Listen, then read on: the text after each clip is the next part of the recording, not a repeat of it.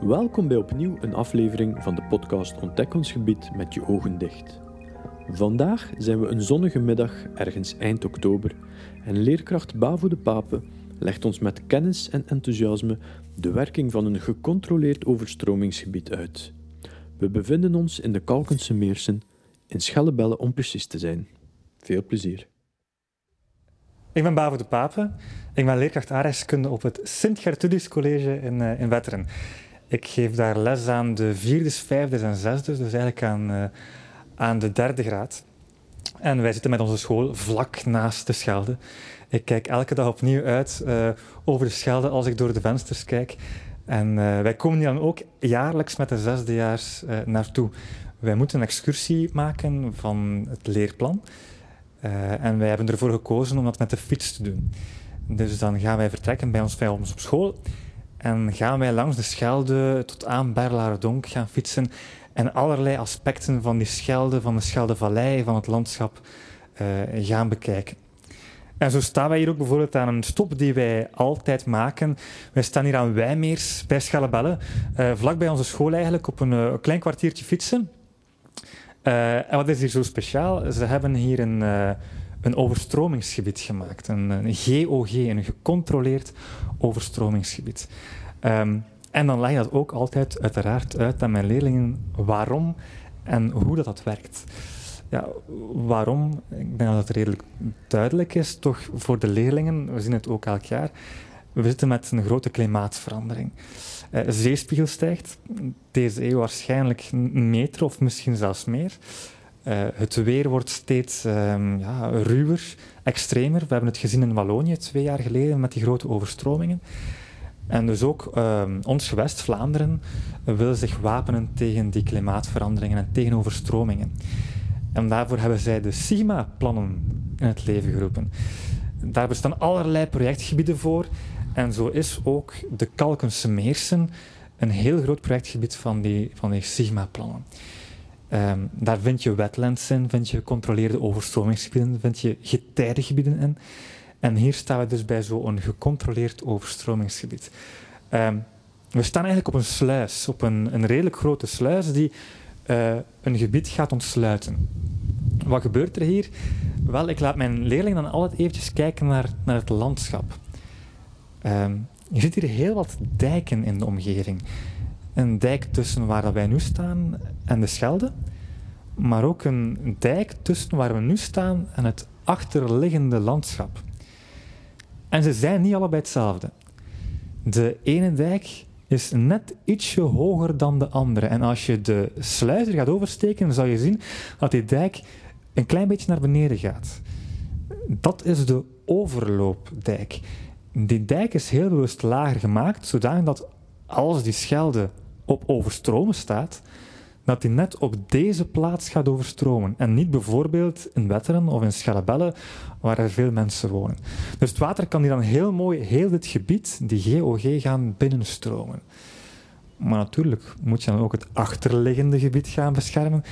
En daar, dan ligt een, of daar ligt dan een ringdijk. Een ringdijk die het gebied gaat omringen, zodat het water daar mooi kan blijven staan.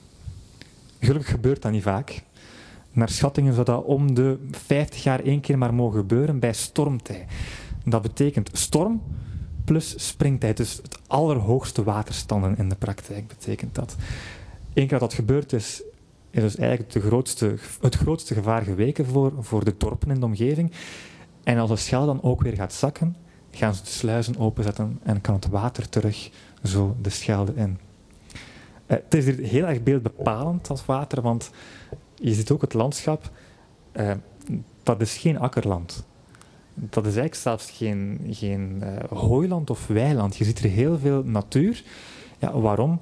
De boer ziet dat niet echt zitten om hier akkers aan te leggen, want als het dan overstroomt, is hij heel zijn oogst kwijt. En dus je krijgt hier een stukje vrije natuur en daar profiteren we dan ook van in de Scheldevallei om onze natuurwaarden op peil te krijgen. Je krijgt hier riet, je krijgt hier vochtige graslanden, je krijgt hier enkele bosjes uh, met fauna en flora die je eigenlijk elders, ergens of elders in Vlaanderen amper ziet. Als je zelf iets verder zou stappen, krijg je zelf een ontpoldering. Daar ben ik weer met een nieuwe term. daar hebben ze de dijk zelf kapot gemaakt en kan het water zelf elke dag twee keer binnen, twee keer buiten en krijg je slikken en schorren. Dat vind je bijvoorbeeld in het Zwin terug, vind je in het verdronken land van Saftingen, maar dus ook in Schellebelle vlakbij Wetteren. Ja, uh, waar er heel wat slijk is, waar uh, de enen heel uh, vlijtig naar slakjes kunnen zoeken, naar eten kunnen zoeken en, en, zo dus blijven overleven. hier vlakbij ligt ook een oude Scheldemeander um, tussen Wetteren en Schellebelle. Um, wat hebben ze gedaan? 100 jaar geleden ongeveer, begin die 20e eeuw, uh, is men die Schelde beginnen recht trekken. Waarom? Heel simpel, de scheepsvaart. Het was veel te lang varen en veel te moeilijk om al die bochten te nemen. En zijn ze er bochten beginnen uithalen. Tussen Gent en Dendermonde hebben ze er, als ik me niet vergis, 10,5 kilometer van tussen gehaald. En dat was een grote tijdsbesparing. Maar dan vind je die verlaten Scheldearm vind je nog terug uh, in, in het landschap. Tussen Wetteren, Kalken en, en Schellebelle. Um, die is bereikbaar, want ze zijn er van allerlei dingen mee aan het doen. Um, ze hebben die onder andere voor een stuk uitgebaggerd. Een heel groot stuk, eigenlijk nieuw moerasgebied gemaakt, waar bijvoorbeeld vogels zoals de roerdomp of stekelbaarsjes uh, naartoe kunnen gaan. Die stekelbaarsjes gaan dan uh, zich voortplanten, gaan daar eitjes leggen in het uh, riet, in het water. Die roerdomp kan er dan van profiteren. Hè. Die gaat daar dan van eten. En zo krijg ik hele nieuwe natuurwaarden die er eigenlijk vroeger niet waren. En dat zorgt voor die unieke fauna en flora. Ook rondom die verlaten Scheldemeander zitten we in de Kalkense Meersen. Een meers is eigenlijk gewoon een oud woord voor een, een nat grasland.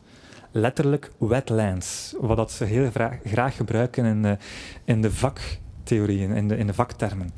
Um, maar je krijgt daar heel natte graslanden waar ook opnieuw bijvoorbeeld hazen uh, kunnen uh, zich voorplanten. Die maken geen hol, die maken eigenlijk een kuiltje in het gras waar zij hun, uh, hun jongeren in werpen.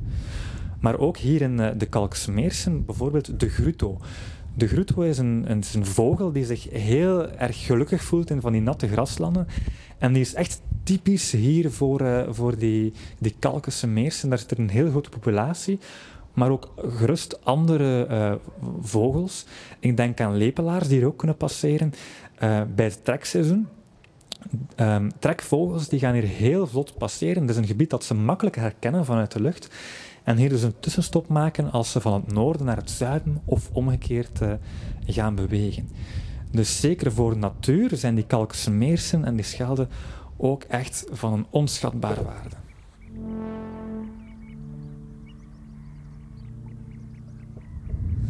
Voilà, we zijn nu een stukje gewandeld hè, eh, vanaf die sluis van daarnet over de overloopdijk richting Uitbergen eigenlijk. Aan, aan onze linkse kant zien we dus de GOG, het overstromingsgebied, waar plaats is voor, voor natuur, voor uh, wilde graslanden, voor bosjes. Maar aan onze rechtse kant zien we nog iets, uh, iets anders. Dat is een stuk ontpolderd gebied. Je ziet er eigenlijk nog een stuk dijk. De oude Scheldedijk die ze kapot hebben gemaakt. Ze hebben er enkele bressen in geslagen. En waar we nu staan, ziet heel mooi. We zien gewoonweg de andere kant van de Schelde, de andere oever, zonder obstakels in de weg. En dat zorgt ervoor dat het Scheldewater elke dag opnieuw twee keer binnen kan komen bij hoogwater en twee keer buiten zal stromen bij laagwater in het gebied tussen die overloopdijk en die oude Scheldedijk. En dat zorgt voor fenomenale natuur. We staan er eigenlijk niet, niet, niet vaak genoeg bij stil. Maar wat we hier zien is, is bijna natuur, uh, uniek in, in Vlaanderen. Je krijgt hier slikken en schorren. Slikken, je hoort daar het woordje slijk bijna in, dat is het ook. Hè.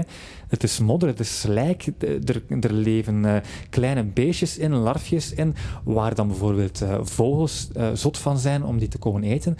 De schorren zijn in ietsje hoger gelegen gebied, waar dan weer riet op kan groeien, waar soms eens een wilgeboom op kan groeien. Uh, omdat die niet elke dag onder water komen, enkel bij springtij bijvoorbeeld. En die unieke afwisseling zorgt voor nieuwe fauna en flora en gaat dus de biodiversiteit ook hier in de Kalkse en bij uitbreiding in Vlaanderen echt mooi gaan bevorderen.